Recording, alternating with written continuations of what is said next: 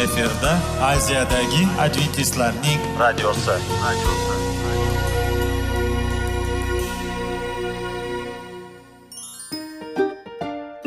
assalomu alaykum radio tinglovchimiz dasturimizga xush kelibsiz va bizni tinglayotganingizga sizdan judayam minnatdormiz bugungi bizning dasturimizning nomi sog'liq daqiqasi deb ataladi va biz sizlarga bu dasturda mevalarning foydasi haqida so'zlab bermoqchimiz ya'ni uning tarkibi uning tarixini va foydali xususiyatlari haqida. Aziz do'stlar mevani iste'mol qilish kerak ekan va biz boshladik ketdik. Sog'liq daqiqasi soliqning kaliti qiziqarli ma'lumotlar faktlar. Har kuni siz uchun foydali maslahatlar. Sog'liq daqiqasi rubrikasi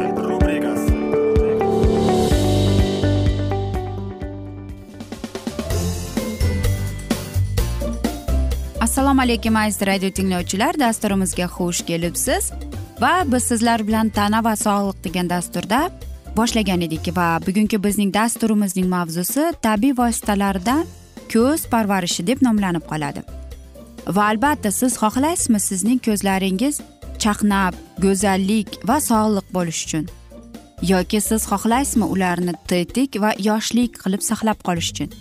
Albatta ha chunki ko'zlar bu bizning eng chiroyli va bizning eng go'zal temamizdir lekin men o'ylaymanki hammamiz ham ha deymiz lekin qanday qilib tabiiy vositalar bilan ko'z parvarishlashni hammamiz ham bilavermaymiz va bugungi bizning dasturimiz ayniqsa mana shular haqida.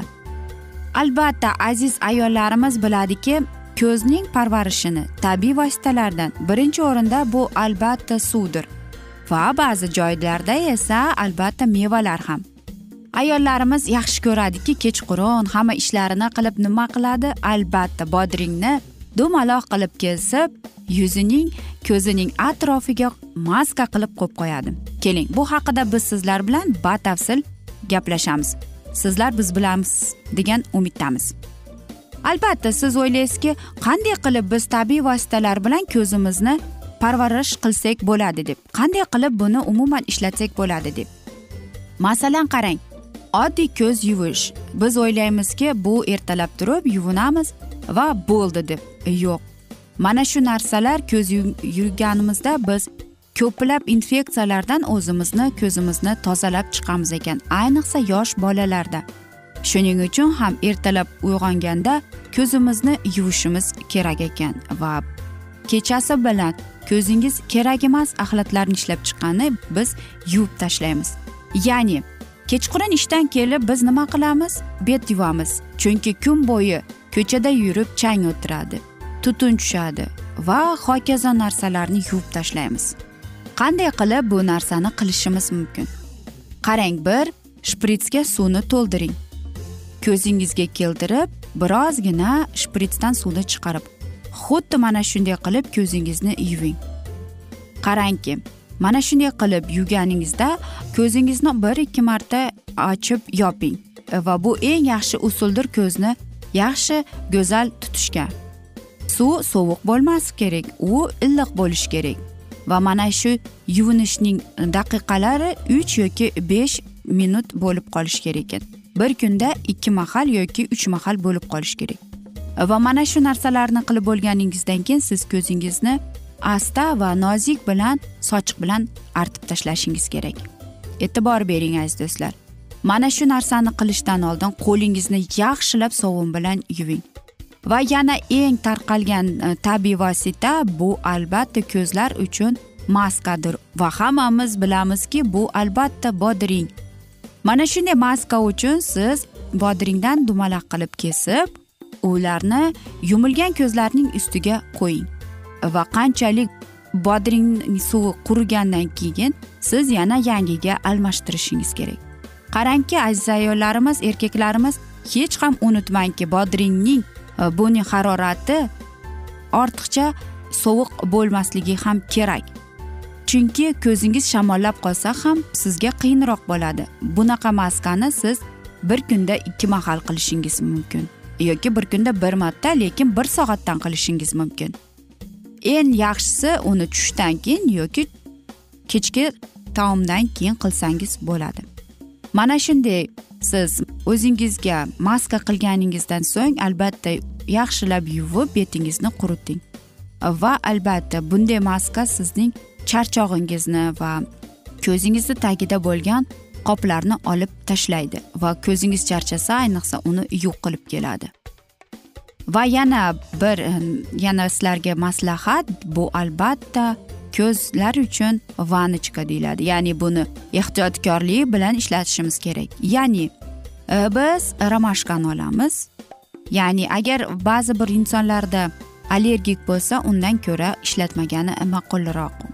Mana shunday e, ramashkani olib issiq e, qaynoq suvga damlab uni jichcha sovutamiz. Bu iliq bo'lishi kerak va ikki uch daqiqa orasida u iliq bo'lgandan keyin biz ko'zlarimizni mana shu narsa bilan chayqashimiz kerak.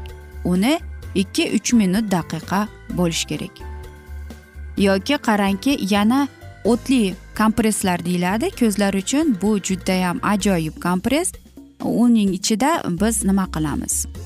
Ya'ni shipovnik va ko'k choyni olamiz mana shunday paketikni olib bir daqiqa qaynoq suvga qo'yib qaynatib uni sterilizatsiya qilamiz va mana shu narsani sovutamiz lekin u ortiqcha sovib ketmasligi kerak. Mana shu paketikni bir ko'zingizga qo'yib besh o'n daqiqa yotishingiz kerak. Keyin yuvinib yuzingizni quriting. Bunaqa kompressni siz kuniga ikki uch mahal qilishingiz mumkin.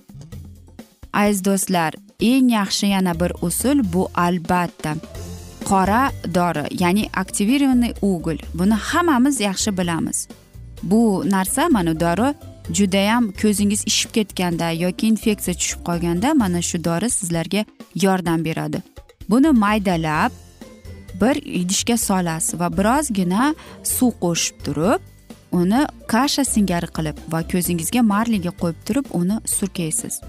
Va yigirma o'ttiz daqiqa mana shunday qilib kelasiz aziz do'stlar biz sizlar bilan ba'zi bir mana shunday qo'llanma bilan bo'lishdik va men o'ylaymanki siz buni har bittasini ishlatib chiqarsiz lekin ehtiyotkorlik bilan aziz do'stlar lekin eng yaxshisi siz o'zingizning oftalmolog vrachingiz bilan maslahat qilib ko'ring deymiz va mana shu asnoda aziz do'stlar bugungi dasturimizni afsuski yakunlab qolamiz chunki bizning dasturimizga vaqt birozgina chetlatilgani sababli ammo lekin sizlarda savollar tug'ilgan bo'lsa biz sizlarni salomat klub internet saytimizga taklif qilib qolamiz. Va albatta bizlarni tark etmang oldinda bundanda qiziq va foydali dasturlar kutib kelmoqda.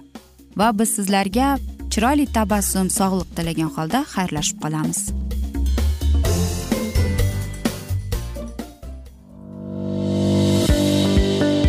Sog'liq daqiqasi. Soliqning kaliti. Qiziqarli ma'lumotlar faktlar. Har kuni siz uchun foydali maslahatlar.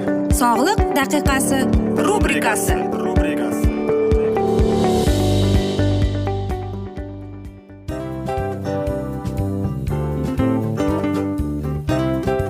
Mana ha hayotda hamma narsaning yaxshi narsalar tugaydi va yakunlaydi degandek bizning dasturimizga ham yakun keldi o'ylaymanki bizning dasturimiz sizga foydali bo'ldi deb aziz radio tinglovchimiz.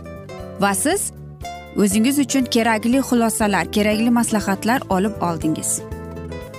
Aziz radio tinglovchimiz biz bilan qoling va keyingi dasturlarimiz albatta undanda qiziqroq bo'ladi. Mana shu alfozda sizlar bilan xayrlashib qolaman.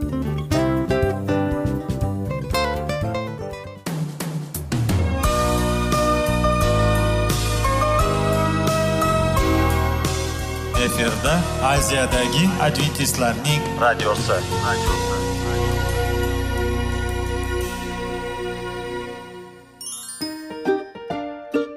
Assalomu alaykum aziz radio tinglovchilar. Dasturimizga xush kelibsiz.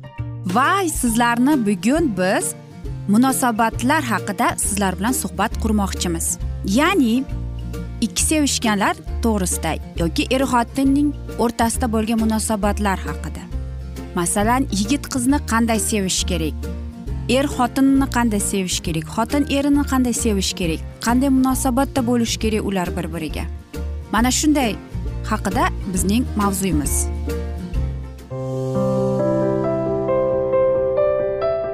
Har kuni har xil kasbdagi odamlar bilan sirlashish va bo'lishish sevgi rashq munosabat bularni hammasi izhori rubrikasida.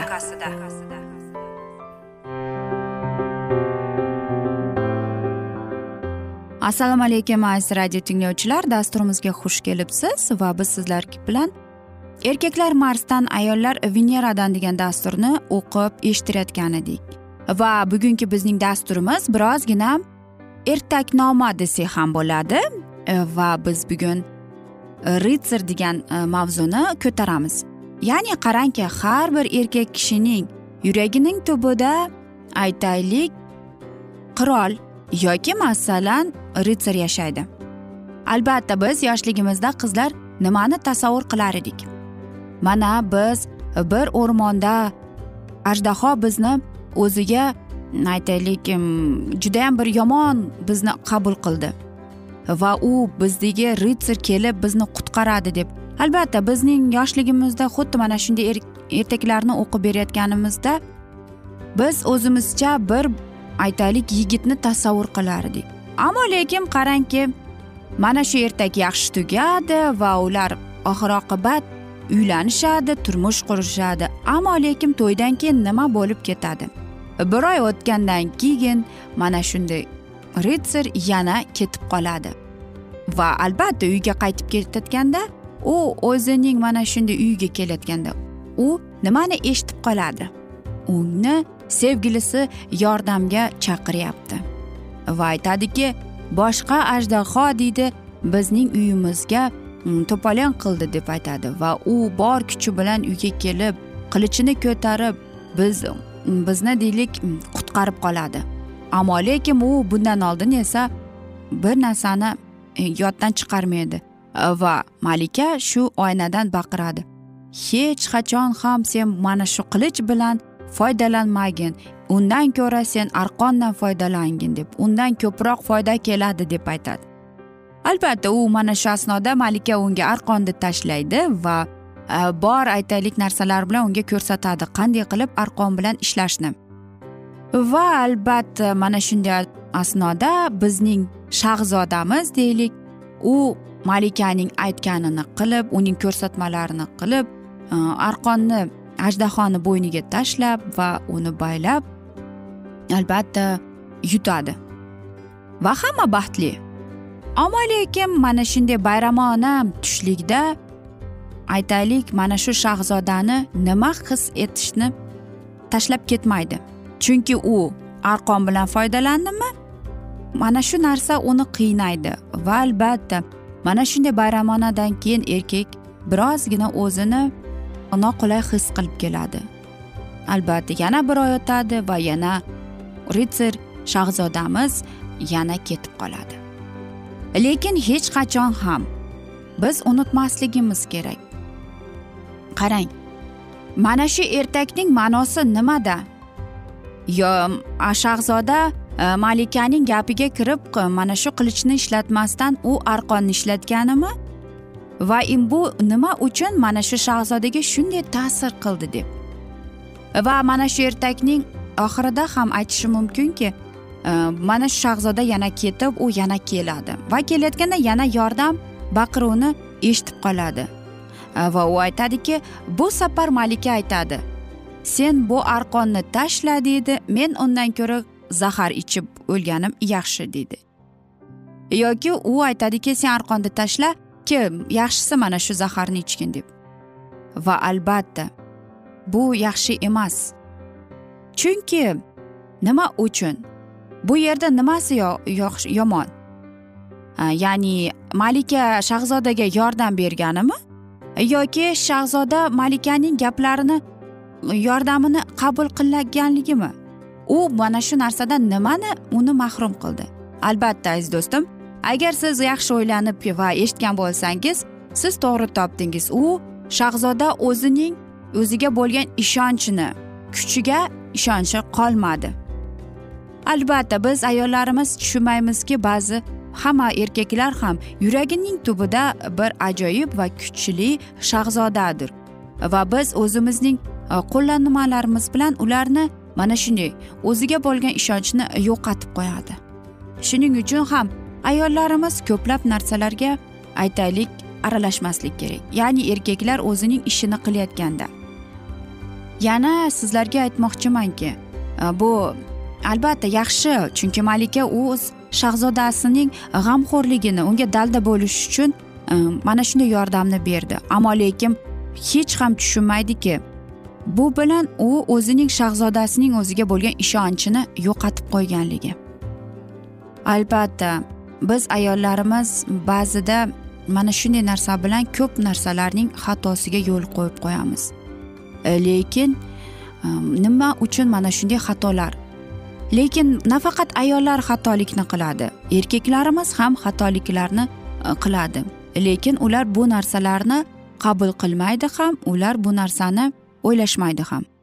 Erkak kishi to'liq tushunib yetmaydiki agar uning turmush o'rtog'i u bilan bebaxt bo'lsa nega u o'zini sevilmli yoki unga kerakli deb his qilayotganini bilmaydi ham.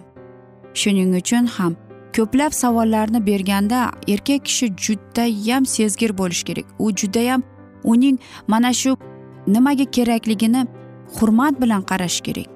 Shuning uchun aziz do'stlar aziz erkaklar hech qachon ham. Masalan ayol kishi o'zining yomon his qilish uchun emas yoki sizni kamsitish uchun emas balki u mana shu so'zlarni aytganda sizni sevib hurmat qilib sizni ehtiyot bo'lsin deb aytgandir. Shuning uchun ba'zi erkaklarimiz esa mana shunday narsalarni tushunib yetmaydi ham. Mana shu ertakning oxirida albatta shahzoda qancha urushlarga ketib qancha qaytib kelsa ham ajdaho ularga hujum qilaverardi. Lekin mana shuning aybi ya'ni shahzoda malikaning aybi nimada bo'lgan? U aralashib qo'ydi. U unga ko'rsatma berdi unga qo'llanma berdi va shahzoda albatta malikasining aytgan so'zlarini unga bergan ko'rsatmalarni qabul qildi. Lekin shu bilan shahzoda o'zining manlikni o'ziga bo'lgan ishonchni yo'qotib kelgan. Va men o'ylaymanki biz aziz ayollarimiz bizning dasturimizni tinglab e, eshitgandan keyin o'ziga to'g'ri xulosa chiqarib oladi deb. Axir bir biringizning munosabatlaringiz judayam muhim bo'ladi agar siz bir biringizni sevsangiz. Chunki sevmaganingizda oila qurmagan bo'lardingiz deb aytardik. Aziz radio tinglovchilar afsuski mana shunday asnoda biz bugungi dasturimizni yakunlab qolamiz chunki bizning dasturimizga vaqt birozgina chetlatilgani sababli. Lekin keyingi dasturlarda albatta mana shu mavzuni yana o'qib eshittiramiz. Va sizlarni umid qilamanki bizni tark etmaysiz deb chunki oldinda bundanda qiziq va foydali dasturlar kutib kelmoqdalar. Va biz sizlarga oilangizga tinchlik totuvlik tilab seving seviling deb xayrlashib qolamiz.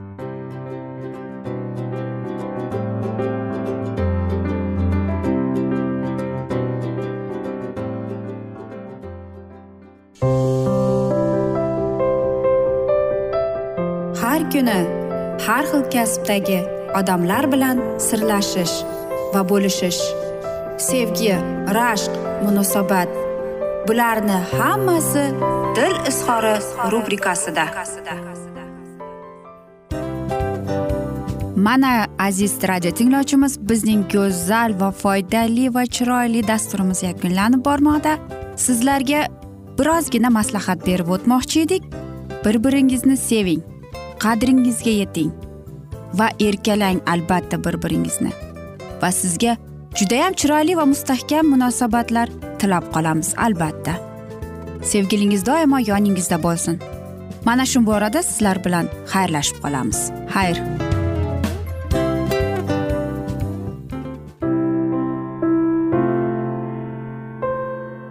Hayotning noni. Qiziqtirgan savollar va javoblar. Buning hammasi ko'ngil uchun oziqa rubrikasida.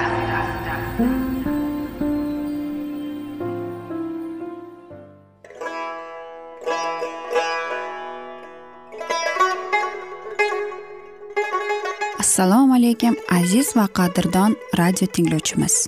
Dasturimizga xush kelibsiz. Bizni tanlaganingizga sizdan minnatdormiz. Va keyingi bizning E, mavzuyimiz diniy masalasiga kelib chiqadi. Albatta hayot davomida bizni ko'plab qiziqtirgan savollar bordir. Va mana shu savollarga qayerdan javob olsam ekan deb o'ylanib chiqamiz. Yoki hayotning ma'nosi nimada deb o'ylanamiz. Mana shunday dasturlar o'ylaymanki siz sizga foyda bo'ladi deb. Aziz do'stlar e, bugungi bizning mavzuyimizning nomi vahiy kitobning ochilishi. Ya'ni bu muqaddas kitobda shunday deb yozilgan. Vahiy kitobning bizga bo'lgan buyuk sovg'asi deb. Albatta mana shunday kitobni eshitib quloq solib e'tiborli bo'lsak biz o'zimizning qiziqtirgan hayotning ma'nosini tushuntirgan bizni kelajakda nima kutayotganini mana shu kitobdan bilib olamiz albatta. Va xudoyim bizga qanday rejalar ochgan bizga qanday kelajak kutayotganini aynan mana shu kitobda yozilgan va bizga mana shu kitob orqali xudoyim bizga aytib bergan. Keling aziz do'stlar mana shu kitobni e'tiborli va yaxshilab quloq solib va chuqurroq nazar solaylik shu muqaddas kitobga. Assalomu alaykum aziz radio tinglovchilar. Dasturimizga xush kelibsiz. Va biz sizlar bilan ulug' kurash degan kitobni o'qib eshittirayotgan edik. Va bugungi bizning dasturimizning mavzusi e, britaniya orollarida xabarning tarqalishi deb nomlanadi va biz sizlar bilan o'tgan galgi mavzuni bugun davom ettiramiz.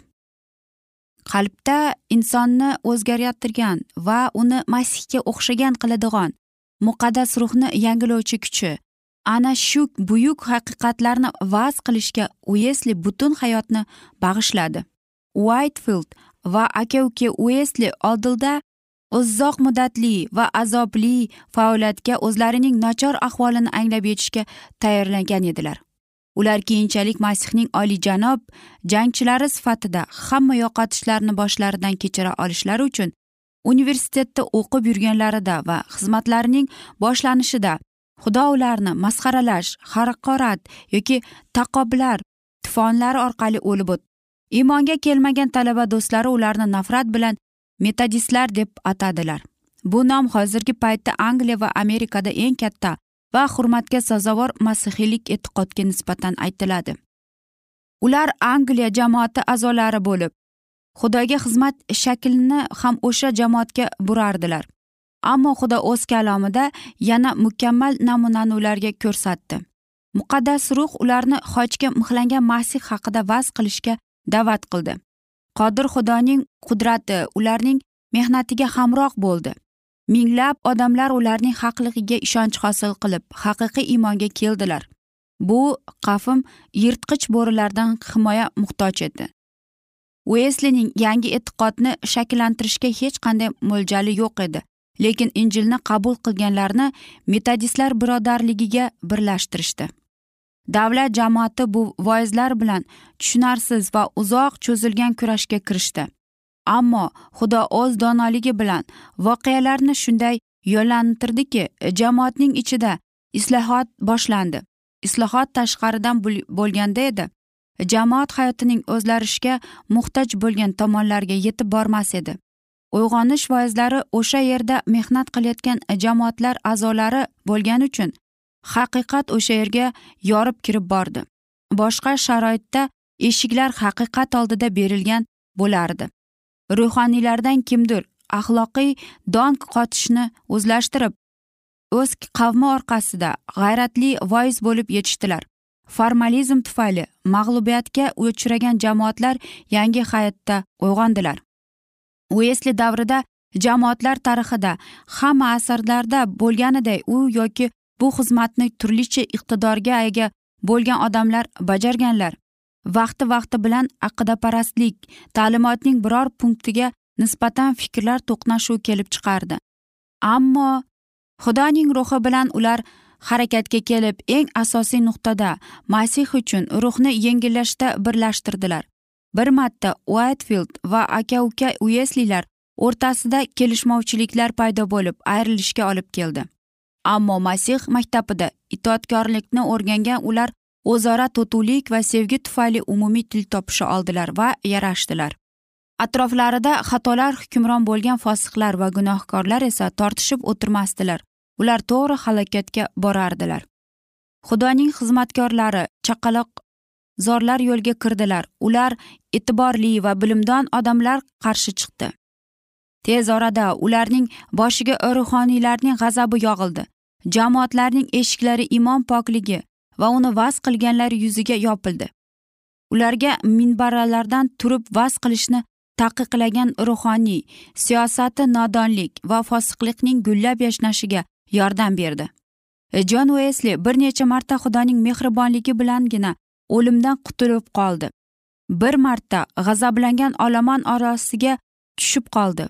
Unga go'yo hech qanday yo'l qolmaganday tuyulardi. Ammo xudoning farishtasi inson timsolida uni himoya qildi. Xalq chekindi. Iso masihning xizmatkori hech qanday shikast topmay xavfli joydan chiqib ketdi. Uesli ana shunday g'aroyib hodisalar haqida eslab shunday hikoya qiladi. Biz baland tepalikdan sirpanchiq suqmoqdan tushayotganimizda ba'zilar meni oyog'imdan chalishga harakat qildilar. Tabiiyki agar u yiqilsa qaytib o'rmondan tur o'rnidan turmaydi deb o'ylardi. Ammo men biror marta ham qoqilmasdan surilmasdan meni taqib qilayotganlardan eson omon qutulib ketdim. Ko'pchilik meni yoqamdan yengimdan ushlashga harakat qildilar. Bittasi kamzulimning cho'ntagidan ushlab oldi ammo kamzulim o'sha zahoti yirtilib ketdi. Ikkinchisi cho'ntagimda pulim bor edi bunisi yarmigacha yirtildi xolos. Qandaydir baquvvat yigit bir necha marta og'ir dubinka bilan urdi. Buning bir zarbi bilan qulab tushish mumkin edi. Bilmadim qanday qilib bu voqea yuz berdi. Har safar u mo'ljalga ololmasdan xato qilaverdi garchi men unga ham chapga ham burilmasam o'ngga ham burilmasam boshqa olomon orasidan yorib chiqib menga sakradi. Meni urmoqchi bo'lgan edi birdan qo'li pastga tushdi. Faqat meni yengilgina turtib shunday dedi. Uning sochlarini qanchalar mayin a haqiqat o'zgartirgan odamlarning birinchisi shaharning kalla kesarlaridan edi u. Ulardan biri hamma mushtlashishda qatnashardi. Xudo o'z xohish irodasi ijro etish uchun bizni juda muloyimlik bilan asta sekin tayyorlaydi. Ikki yil oldin menga otilgan g'isht yelkamga yengilgina shikast yetkazdi. Bir yil o'tgach tosh qoq peshonamga tegdi. O'tgan oy zarba yetgan edim. Bugun kechqurun esa ikki marta. Birinchisi biz shaharga kirganimizda ikkinchisi bizni quvganlarida. Aziz do'stlar afsuski mana shunday asnoda biz bugungi dasturimizni yakunlab qolamiz. Chunki bizning dasturimizga birozgina vaqt chetlatilgani sababli. Ammo lekin aziz do'stlar sizlarda mana shunday qiziqarli savollar tug'ilgan bo'lsa albatta biz sizlarni alkitab media internet saytimizga taklif qilib qolamiz. Va albatta sizlarga va yaqinlaringizga tinchlik totuvlik tilab sog'lik salomatlik tilab. Va yuzingizdan tabassum hech ham ayrimasin deb xayr omon qoling deb xayrlashamiz.